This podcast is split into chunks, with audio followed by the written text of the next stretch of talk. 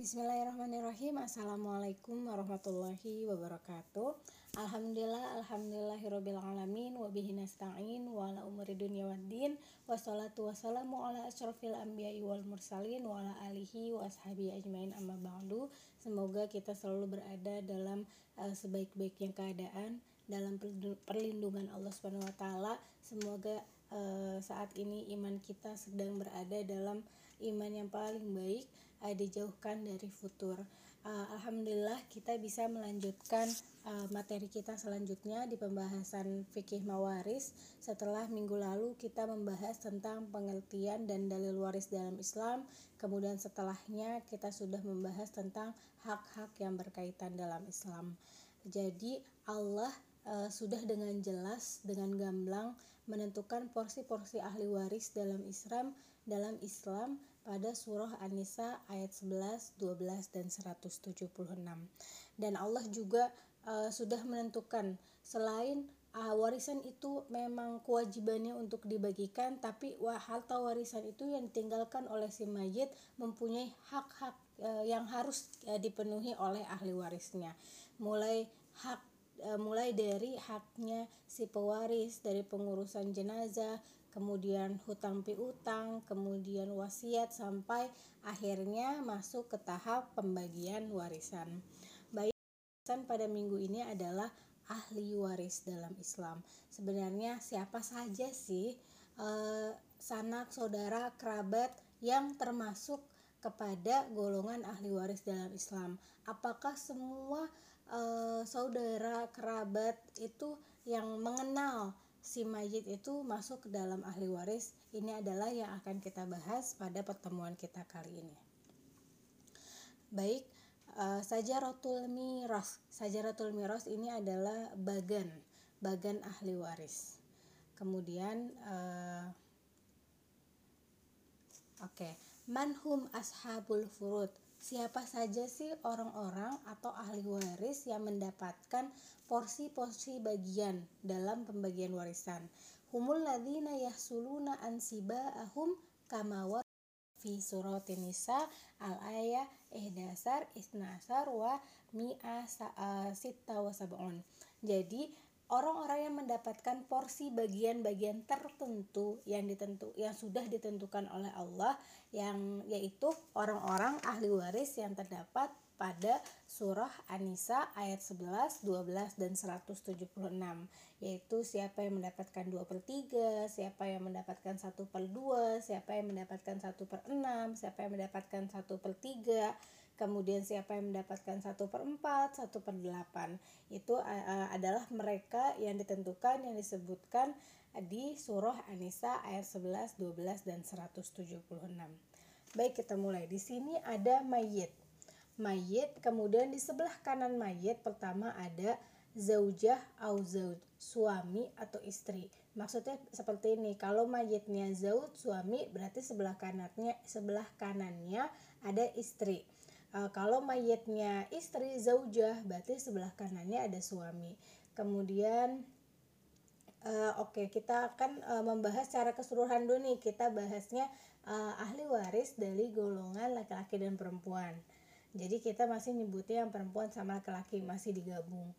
E, kalau kita mau lihat e, seberapa dekatnya ahli waris atau seberapa kuatnya e, hak waris di dalam diri ahli waris itu kita mulai dari bawah. Bawah itu namanya furu.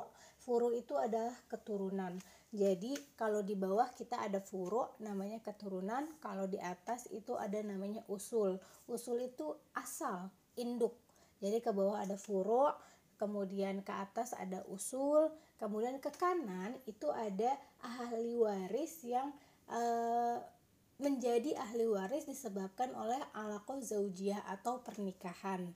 Jadi ada suami atau istri. Nah, di kiri itu ada namanya hawashi. Hawashi itu bisa dibilang kerabat seperti uh, saudara kandung, saudara seayah, saudara seibu, paman itu ada di sebelah kiri yang namanya hawashi. Jadi e, tingkatannya itu tingkatan kekuatannya yaitu mulai dari bawah furu keturunan, kemudian ke atas usul, kemudian ke kanan itu suami istri, kemudian ke kiri ada hawashi hawashi. Oke ke bawah itu ada uh, ibn. Ibn itu anak laki-laki. Kemudian bintun. Ibn di bawahnya punya keturunan ibnu ibn. Cucu laki-laki dari anak laki-laki. Dan juga ada bintu ibn. Nah ini mungkin kita highlight dulu nih. Kita harus pahami cucu itu mendapatkan hak waris ya cucu laki-laki maupun cucu perempuan tapi dengan syarat cucu itu berasal dari anak laki-laki. Jadi, keturunan dari anak perempuan memang bukan termasuk ke ahli waris, tapi yang terma cucu yang termasuk ke ahli waris yaitu cucu yang berasal dari anak laki-laki. Jadi, ya furu ke bawah itu ada iben. Kemudian ada bintun, anak perempuan, anak laki-laki punya keturunan juga. E, cucu laki-laki dari anak laki-laki bukan cucu perempuan dari anak perempuan. Nah, nanti kalau si ibnu ibennya ini punya keturunan bisa termasuk cicit gitu. Cicit laki-laki dari cucu laki-laki. Jadi bisa termasuk ahli waris tapi dari cucu perempuan dari anak laki-laki bintu iben ini tidak termasuk. Kemudian setelahnya kita baru ke atas nih ke usul. Usul itu pertama ada abun, ayah. Kemudian ada umun, e, ibu. Kemudian uh, dari abun ke atasnya ke induknya itu ada jadun ada kakek. Kemudian ada jaddatun nenek. Jadi usul atau induk dari ayah itu uh, yang uh, termasuk ke ahli waris itu kakek dan nenek. Jadi jadun dari uh, kakek dari pihak ayah dan nenek dari pihak ibu nah ini ada yang berbeda dari pihak ibu, umun itu hanya nenek saja, jadah saja. Jadi kakek yang termasuk ke ahli waris itu hanya kakek dari jalur ayah. Nah, jadi ke bawah ini adalah furu, ke atas ini adalah usul. Selanjutnya eh, ke kiri ada hawashi. Pertama ada ah syakik. Ah syakik ini adalah saudara kandung. Kemudian ibnu ah syakik anaknya saudara kandung. Berarti da, posisi dia nih anaknya saudara kandung ke si mayit itu adalah keponakan. Kemudian uh tun syakikoh saudari kandung. Jadi saudara sama saudari kandung Nah, dilihat nih, kalau saudari kandung punya keturunan itu tidak termasuk ahli waris. Jadi keponakan si mayit tapi dari jalur perempuan, dari saudara perempuannya itu tidak termasuk ahli waris. Jadi keponakan yang termasuk ahli waris hanya kalau dia dari jalur saudara laki-laki. Kemudian uh, kita lihat di sini ada saudara seayah. Kenapa di sini ada umun, ada ibu? Jadi pengen menunjukkan nih saudara seayah. Berarti ini ayahnya sama, cuman beda ibu. Jadi saudara seayah itu juga termasuk ahli waris. Anaknya juga anak saudara seayah. Ingat ya, saudara seayah itu bukan tiri. Mungkin tiri ke uh, orang tuanya. Tapi kalau ke si mayit itu tidak tiri, hanya saudara seayah. Satu ayah hanya berbeda ibu. Kemudian uhtun li'ab yaitu saudari ini saudari seayah perempuan. Nah anaknya nggak termasuk ya. Oke. Abu kemudian ada am syakik itu adalah paman kandung anaknya paman kandung juga itu termasuk uh, apa termasuk ahli waris. Berarti itu kayak sepupu kakak sepupu. Kemudian uh, ada amliab paman seayah. Anak paman seayah.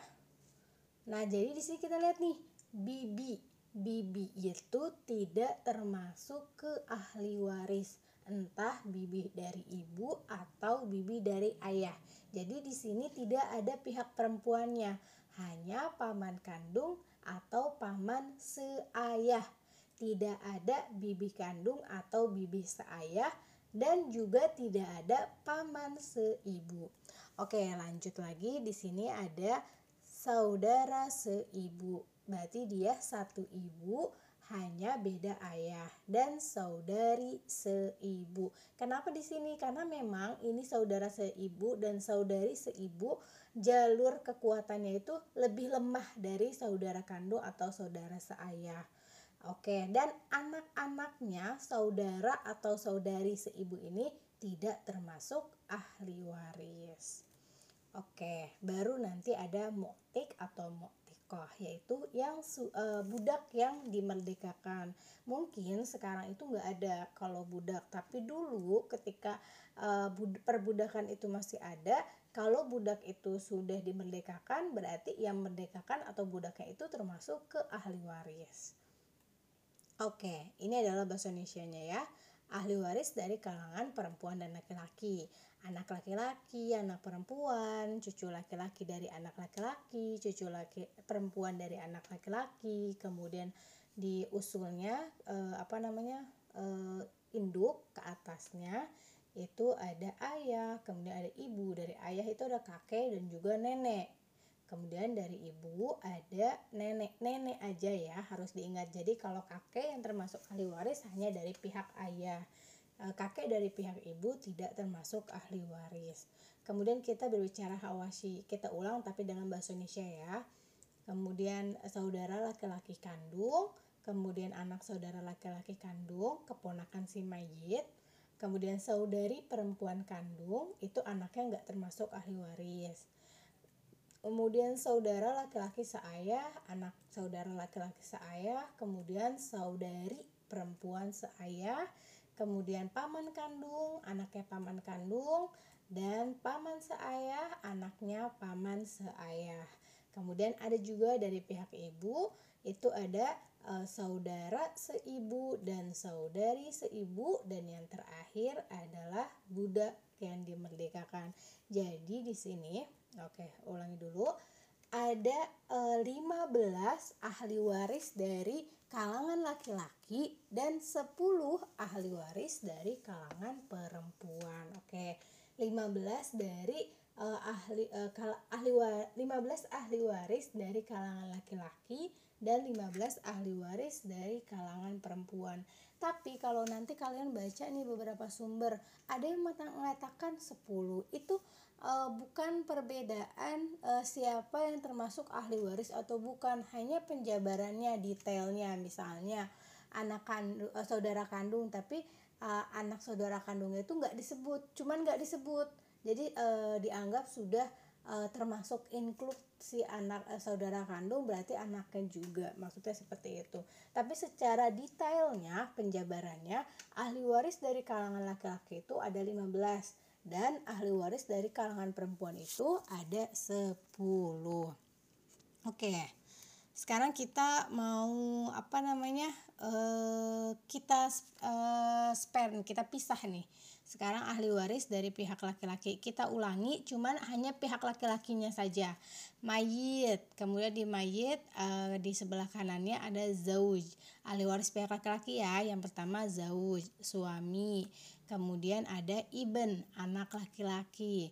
Kemudian anak laki-laki ada iben, cucu laki-laki dari anak laki-laki. Kita nggak ngomongin ahli waris perempuan ya. Kemudian, uh, nah itu tuh wa safal. Jadi kalau iben ke bawahnya ibnu iben ke bawahnya ibnu iben iben itu saya cici terus ke bawah selama jalurnya dari pihak laki-laki. Kemudian ke atas ada abun, abun ada jadun dari pihak uh, ab ayah kemudian terus kakek apa namanya uh, uyut tapi dari pihak laki-laki baru ke kirinya pertama ada ah syakik saudara kandung anak uh, ibnu ah syakik anaknya saudara kandung. Kemudian ada saudara seayah ahli ab sama anaknya ibnu ahli ab kemudian ada Amsyaki, paman kandung dan anaknya, kemudian ada Am e, Liab, paman seayah dan anaknya, kemudian ada e, dari pihak ibu itu ada ahli um saudara seibu dan yang dimerdekakan. Oke, jadi di sini ada eh, e, 15 ya. 1 2 3 4. Oh, ini 5 6 7 8 9 10 11 12 13 14 oh maaf, dan lima belas. 15 ya, berarti ada 15 ahli waris dari kalangan laki-laki. Nah, ini langsung aja kita ke ini alwarisuna minarijal. Siapa aja nih? Oke, kita langsung bahasa Indonesia-nya. Ahli waris dari kalangan laki-laki. Satu, anak laki-laki. Anak laki-laki dari anak laki-laki, yaitu cucu laki-laki. Ayah, kakek dari pihak ayah, dan seterusnya. Saudara kandung, saudara sebapak atau saudara seayah, saudara seibu, anak laki-laki dari saudara kandung, anak laki-laki dari saudara sebapak, paman kandung, paman sebapak, anak dari paman kandung, anak dari paman sebapak, suami budak. Nah, perlu diingat nih. Jadi seperti ini rumusannya. Jadi ini yang tadi kita sebutkan itu, ini tuh eh, yang kita urutkan barusan itu eh, dari eh, yang paling kuat. Jadi iben di sini uh, anak laki-laki, ini cucu. Nah, cucu ini nanti akan terhalang kalau si ibennya itu masih ada. Dan orang-orang di sini nih, saudara kandung, saudara seayah dan lain-lain akan terhalang kalau anak laki-laki masih ada, kalau e, cucu laki-laki masih ada, kalau ayah masih ada, itu akan terhalang nih. Jadi harus diingatnya itu harus berurut karena yang tadi kita sebut itu e, itu tuh sudah e, berdasarkan uh, kekuatannya gitu. Jadi anak laki-laki akan menghalangi cucu anaknya, cucu berarti kayak gitu. Nah, ini ada sebuah kaidah nih. Jika semua ahli waris dari pihak laki-laki ada, jadi kumpul nih semua ahli waris 15-15-nya, maka yang pasti akan mendapatkan bagian harta warisan artinya dia tidak akan terhalang yaitu satu anak laki-laki. Dua ayah, tiga suami. Jadi kalau 15-15-nya ada nih, tadi uh, kan uh, stepnya kita udah ngelis dulu nih siapa ahli waris yang kira-kira ada. Mau dia dapat atau enggak, mau dia terhalang atau enggak, pokoknya kita list dulu.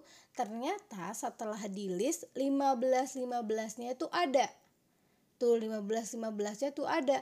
Berarti yang tidak akan terhalang adalah satu anak laki-laki, dua ayah, tiga suami. Kenapa? Karena cucu laki-laki terhalang oleh ayahnya dan kakek terhalang karena ada ayah dan yang lain terhalang karena ada anak laki-laki dan ayah. Jadi ini kaidah utamanya. Berarti gini ya, kita ulang. Ahli waris dari kalangan laki-laki. Jika semua ahli waris dari pihak laki-laki ada, maka yang pasti akan mendapatkan bagian harta warisan, dia tidak akan terhalang yaitu anak laki-laki, ayah, suami. Ah, anak laki-laki berarti dia dapatnya nanti asobah sisa, hitungnya belakangan. Ayah karena ada anak, si mayit punya anak dapat satu per enam. Suami karena si mayit punya anak dapat satu per empat. Enam sama empat kira-kira KPK-nya berapa nih? AM-nya?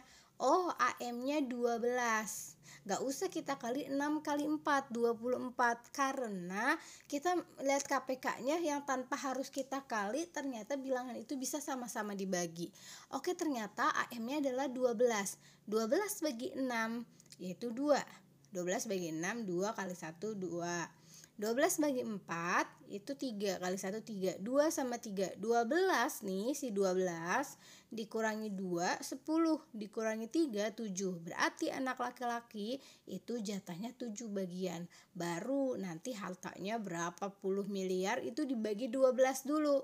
Hasilnya sekian baru dikali 7 kali hasil bagian tadi. Seperti itu. Oke, sekarang kita akan berbicara tentang al-warithatu minan nisa, ahli waris dari kalangan perempuan. Pertama ada mayitnya ya. Berarti hmm, ini kita yang hijau ya. Oke, ini ke bawah furu keturunan anak. Pertama ada bintun bintun anak perempuan. Kemudian ada bintu iben cucu perempuan dari anak laki-laki. Ini kita itemin karena kita lagi bicara ahli waris dari kalangan perempuan. Bintun kemudian bintu iben e, anak perempuan kemudian cucu perempuan dari eh, laki-laki. e, Nah, ke bawahnya nggak lanjut tuh karena kalau dari pihak perempuan keturunan maupun itu tidak termasuk ahli waris. Nah, usul ke atas ada umun, ibu. Nah, ibu itu nah, di sini kan ada abun. Abun ini ke atasnya ada jadah. Kemudian umun juga ada jadah, ada nenek. Jadi nenek dia dari pihak ayah maupun dari pihak ibu itu termasuk ahli waris. Jadi ke atasnya ada jadah jadah nenek dua nenek. Kalau kakek itu hanya dari pihak ayah. Kemudian saudari kandung. Uh tun syakikoh anaknya nggak termasuk. Beda kayak saudara kandung. Kemudian ada uh tun liab saudara sebapa atau saudara seayah. Kemudian ada uh tun lium saudari seibu. Dan ada zau istri. Dan ada mu muktikoh muktikoh itu adalah budak perempuan yang dimerdekakan. Jadi ke bawahnya ada berapa nih? Satu dua tiga empat lima 6, 7, 8, 9, 10 Jadi ada 10 ahli waris dari kalangan perempuan. Siapa saja? Lanjut kita ke usianya Anak perempuan cucu perempuan dari anak laki-laki, ibu, nenek dari ayah, nenek dari ibu, saudari kandung, saudari sebapa, saudari seibu, istri budak perempuan yang sudah dimerdekakan. Jadi ini adalah 10 ahli waris dari kalangan perempuan. Ini susunannya itu sudah sesuai uh, kekuatannya ya. Jadi ah jadi ini ada sebuah kaidah sama kayak tadi ahli waris dari kalangan laki-laki. Jika semua waris dari pihak perempuan ada, udah kita data, ternyata ahli warisnya dari pihak perempuan aja nih. Dan lengkap 10-10-nya ada. Wah, gimana nih jadi ngitungnya? Jika semua ahli waris dari pihak perempuan ada, maka yang pasti akan mendapatkan bagian harta warisan dia tidak akan terhalang yaitu satu anak perempuan tidak akan terhalang Anak perempuan dari anak laki-laki, si cucu perempuan tidak terhalang. Ibu dari atasnya usulnya istri, kemudian saudari kandung. Jadi si lima ini gak terhalang. Karena saudara si ibu terhalang oleh anak perempuan.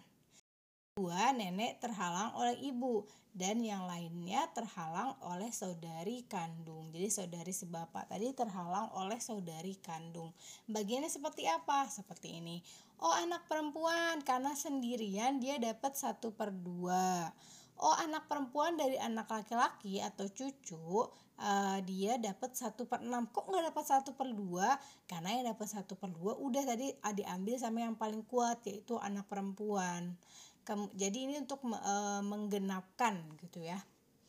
E, dua per tiga gitu. Ibu itu dapat satu per e, satu per enam karena mayit punya anak. Istri karena mayit punya anak dapat satu per delapan. Saudari kandung dapat sisa. Berarti di sini e, ada dua enam enam delapan. Kira-kira berapa nih KPK-nya yang bisa dibagi oleh dua enam sama delapan? Oh, ternyata KPK atau aslul masalah atau AM-nya adalah 24.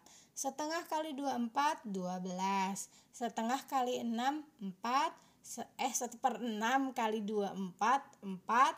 1 per 6 kali 4, eh kali 24, 4. 1 per 8 kali 24, 3. Sisanya 1. Jadi pas 24. Jadi beginilah perhitungannya ahli waris dari kalangan perempuan. Nah, ada kaidah lain. Al warithuna minar rijal wanisa. Kita mau ngomongin lagi balik lagi ahli waris dari kalangan perempuan dan laki-laki. Al warathatul ladzina la yasqutuna bihalin min al ahwali idza ijtama'a jami'ul warathah minar rijal wan nisa fala kulluhum illa sittah. Al ibn, al bins, al ab, al um, az zauj wa zaujah. Jika ahli waris berkumpul baik dari kalangan laki-laki maupun perempuan, maka berikut di bawah ini adalah ahli waris yang pasti mendapatkan bagian warisan, artinya tidak terhalang. Siapa aja?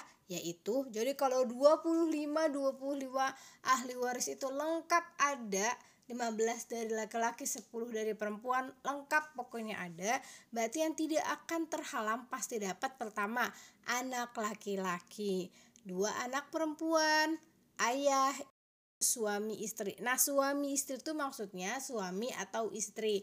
Kalau mayatnya suami berarti istri. Kalau mayatnya istri berarti suami. Bagiannya seperti apa? Nih, berarti ini nih yang tidak akan terhalang atau ya ini bisa bisa kita ganti atau suami atau istri. Anak laki-laki sisa, anak perempuan sisa. Karena ada anak laki-laki dan anak perempuan, mereka satu derajat gitu. Sama-sama kuat. Jadi mereka dapatnya sisa dihitung belakangan. Ayah mayit punya anak dapat satu per enam. Ibu mayit punya anak dapat satu per enam. Ingat dalilnya uh, wa ilam yakun uh, wa ingkana lahu walad wa warithahu abawahu falikulli wahidi minhuma sudus.